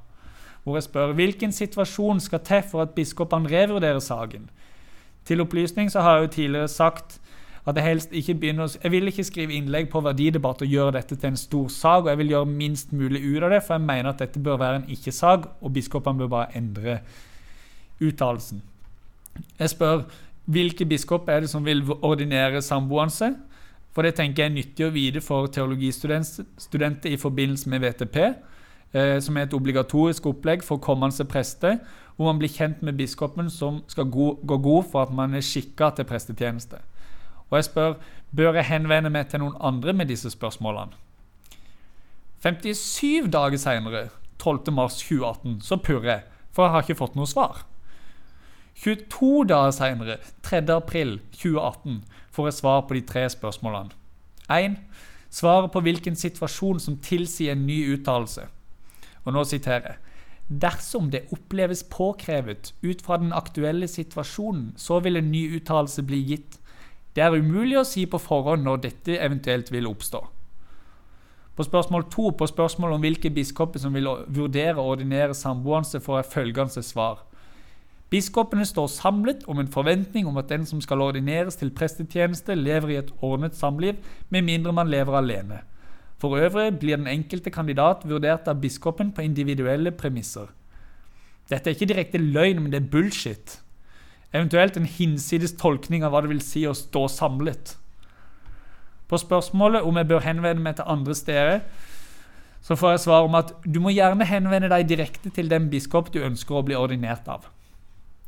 En dag senere, 4.4.2018, svarer jeg på sedvanlig passivt-aggressivt vis og påpeker syrlig og kjølig at jeg vil ta dialogen, dialogen videre med biskopene på VTP-samling, og med følgende uttalelse. Hvis biskopene står samlet bak 95-uttalelsen som er uttalt, så er det en ganske løs definisjon av hva samlet innebærer.